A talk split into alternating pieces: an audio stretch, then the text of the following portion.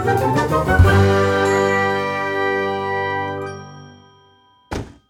back to CCRS UPN VJ. Asik. Kembali lagi bersama gua, ya lu kalau CCRS lovers lu pasti tahu gua. Asik, siapa sih gua? Eh, gue ini eh, sempat bikin konten di YouTube CCRS. Eh, kemarin tuh kita membahas tentang korupsi. Nah, kali ini eh, gua akan membahas suatu hal yang lain. Pertama, gua akan memperkenalkan diri dulu. Gua adalah Emil Rasman Muhammad dan tentu saja gua uh, di Spotify ini gue tidak akan sendiri. Masa gue solo player sih? Gue bawa squad. Yang pertama, roster pertama adalah Husada. Eh, the one and only. Husada. 1000. Dan roster kedua ada Sahni Fahri. Asik, asik. Yang ketiga ada Muhammad Fasus Rizky. Asik. Iya, alhamdulillah Eh. sehat kok. JW, Gamers JW. ganteng idaman. sehat. Dan terakhir ada Lord Faisal. Si. Iya, panutan. Oke, lanjut aja. Aneh sih pertama. Eh, Oke, langsung kita eh, membahas teori nih. Oh ya, tadi kan gue bilang kita kemarin tuh membahas tentang korupsi. Nah, sekarang tuh agak beda banget nih dari korupsi. Kita akan membahas yang namanya anarkis. Nah, gue bingung nih, anarkis sama anarko tuh apa sih? Apa sama atau beda? Nah, ada yang bisa ngejelasin nggak sih? Ah, aku bisa jelasin deh, aku bisa jelasin. Jadi Nah, ada tiga, ada. eh, anarkisme, anarko, sama anarkis. Oke. Kalau anarkisme itu adalah teori politik yang bertujuan untuk menciptakan anarki. Anarki ini Oh. eh, suatu keadaan di mana eh, negara tidak ada yang mem- mem- memerintah mengontrol gitu. Kalau anarko itu eh, individunya. Tuh. Oke, jadi anarko tuh orangnya, anarkis tuh ideologinya gitu ya. Enggak, anarkisme itu pahamnya, ideologisnya. Oh, pahamnya. Nah, ideologinya anarkisme. Jadi dia menolak segala bentuk otoritas dalam eh, terutama otoritas otoritas politik yang men- yang termani- termanifestasikan dalam bentuk agama negara gitu. Oke. Nah, ini gue penasaran nih, asal usulnya gimana sih nih ada anarkis gitu di Indonesia? Keduri nih bisa ngejelasin nih. Iya, jadi yang gue tahu itu awal dari filsafat anarkisme itu dari para pemikir. Yang gue tahu itu namanya Gerard Winsley dan William Goodwin pada abad 17-18 ya. Jadi sebelum Revolusi Prancis lama banget itu. Nah, kalau untuk. Indonesia yang gue tahu itu di dikenakan oleh Daus Dekker lewat bukunya Max Havelaar.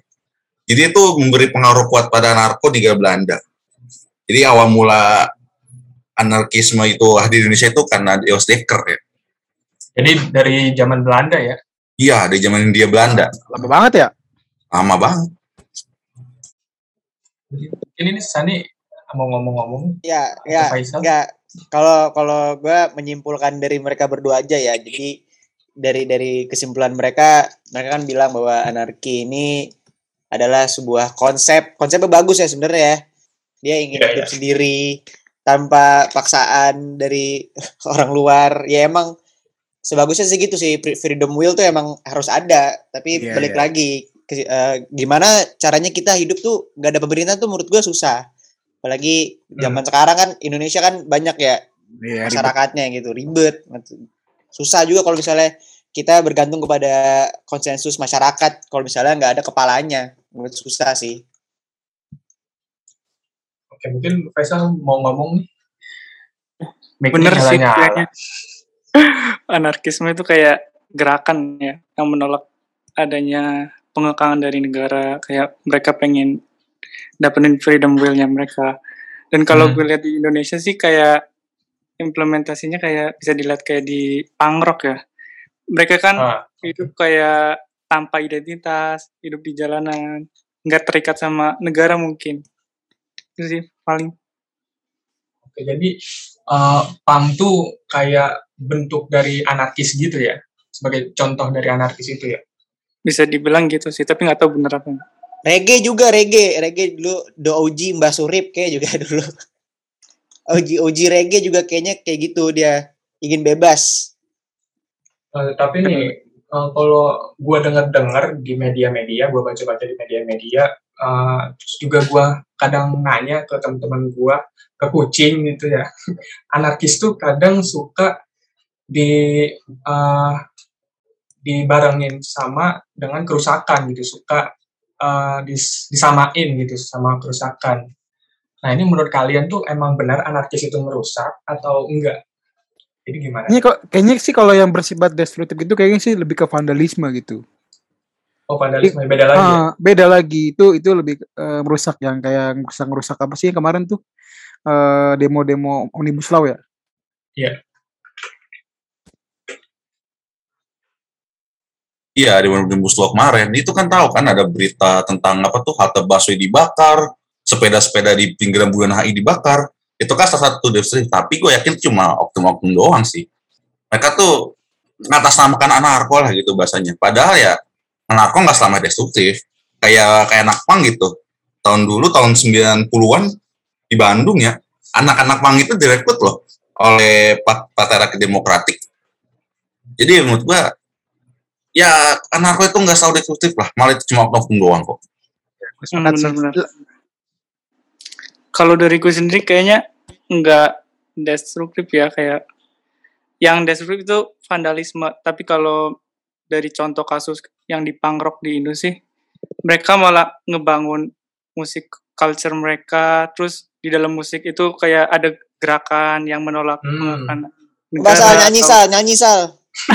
Pangkrok ya tahu sal. Kasih tahu sal. Contohin, contohin. Ya mereka gunain musik itu jadi media mereka buat menyampaikan anarkismenya mereka itu sendiri. Lagian lag- lagian nggak nggak nyampe juga lagian kalau misalkan bakar-bakar tempat-tempat fasilitas umum gitu kan. Ntar ujung-ujungnya terjadi alasan eh, pejabat juga buat eh, korupsi. Kayak Make kemarin kita sense, ngomong ada alasan gitu. Jadi Iya. korupsi itu iya, ada benar. karena kesempatan gitu. Nih, buat ganti rugi ya. Iya. Iya, Rusak nih. Beli, beli, beli, beli. beli beli beli beli. Keluarin. lumayan proyek. Project lagi. Asik banget tuh. Iya bener juga ya.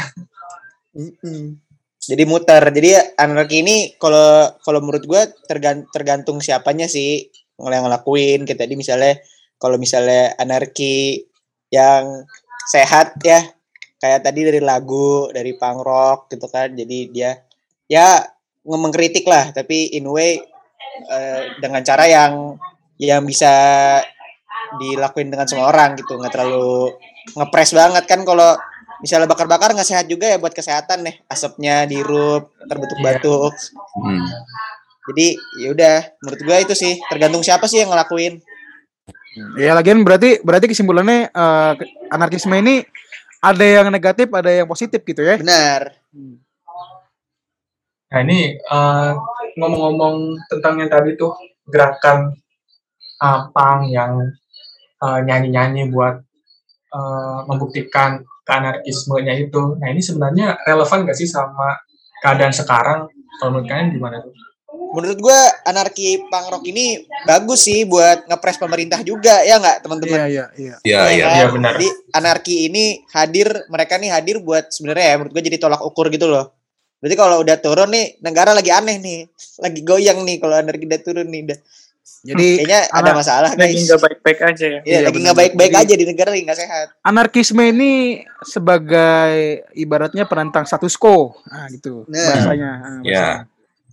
Lagi pula anarkisme ini kan ada de- ka- eh, kalau gue minjem dari teorinya Thomas Hobbes ya yang sebagai negara sebagai leviathan kan karena negara ini udah terlalu kuat gitu, terlalu opek gitu. Dia jadi kayak pemilik eh, pemegang Harus kekuasaan absolut. Iya, harus di nerf gitu. Jadi jadi ja- jalan-jalan menurut menurut beberapa orang jalan satu-satunya Hmm. ya melawan gitu dengan dengan da- da- dalam segala macam bentuk. Nah, satunya anarkisme ini. Tuh, Jadi mending nggak usah ada pemerintah dah kalau misalnya pemerintah terlalu opek gitu kan. Hmm.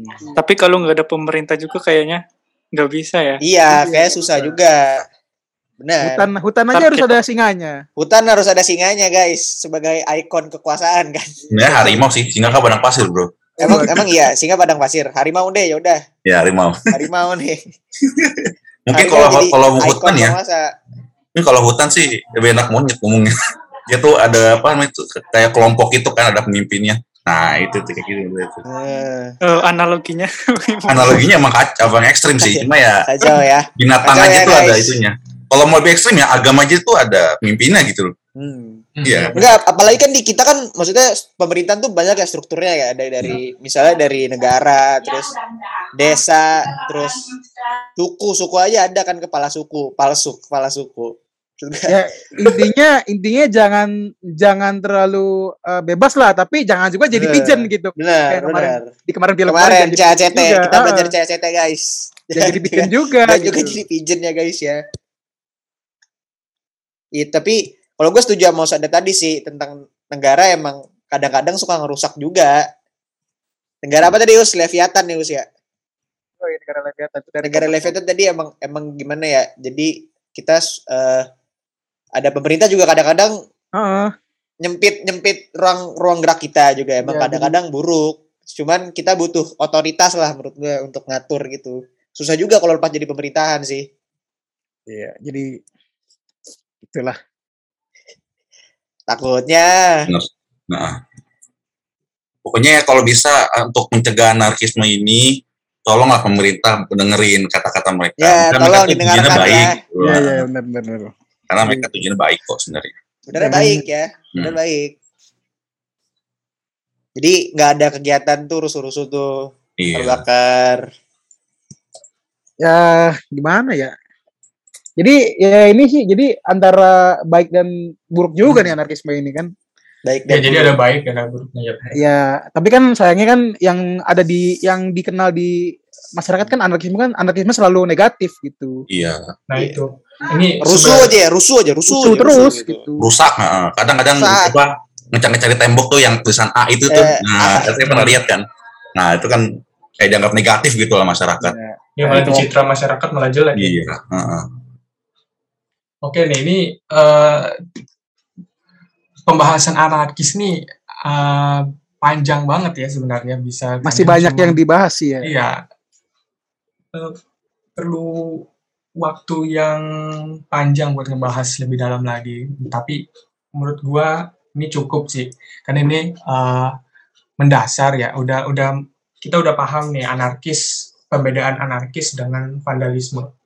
Jadi eh, anarkis itu eh, seperti sebuah paham yang mempercayai mempercayai bahwa segala wujud negara, pemerintah dengan kekuasaannya yaitu lembaga-lembaga eh, penindasan terhadap kehidupan oleh karena oleh karena negara seperti itu kan ya. Jadi ingin dihilangkan atau dihancurkan kalau eh, menurut anarkisme. Tapi kalau Iya, itu vandalisme kalau- itu malah merusak kayak gitu kan. Bentuknya benar itu malah merusak seperti mencoret-coret, merusak pagar seperti itu. Oke, mungkin eh, sekian dari podcast kami. Jangan lupa untuk mendengarkan podcast-podcast lain, terutama podcast YouTube kami yang Dengerin Nah. podcast kita ya guys. Korupsi guys. yang tentang korupsi. Satu Tolong view di- sama dengan di- satu nilai guys. Ayo guys. Ayo, Satu ayo kebaikan. teman-teman nonton banyakin Nonton ya. Oke, eh, cukup mung- mungkin cukup dari Ya, sampai sini ya. saja. Ya Nah. cukup. Thanks all yang udah mendengarkan dan goodbye. Bye. Dadah. Thank you. Au.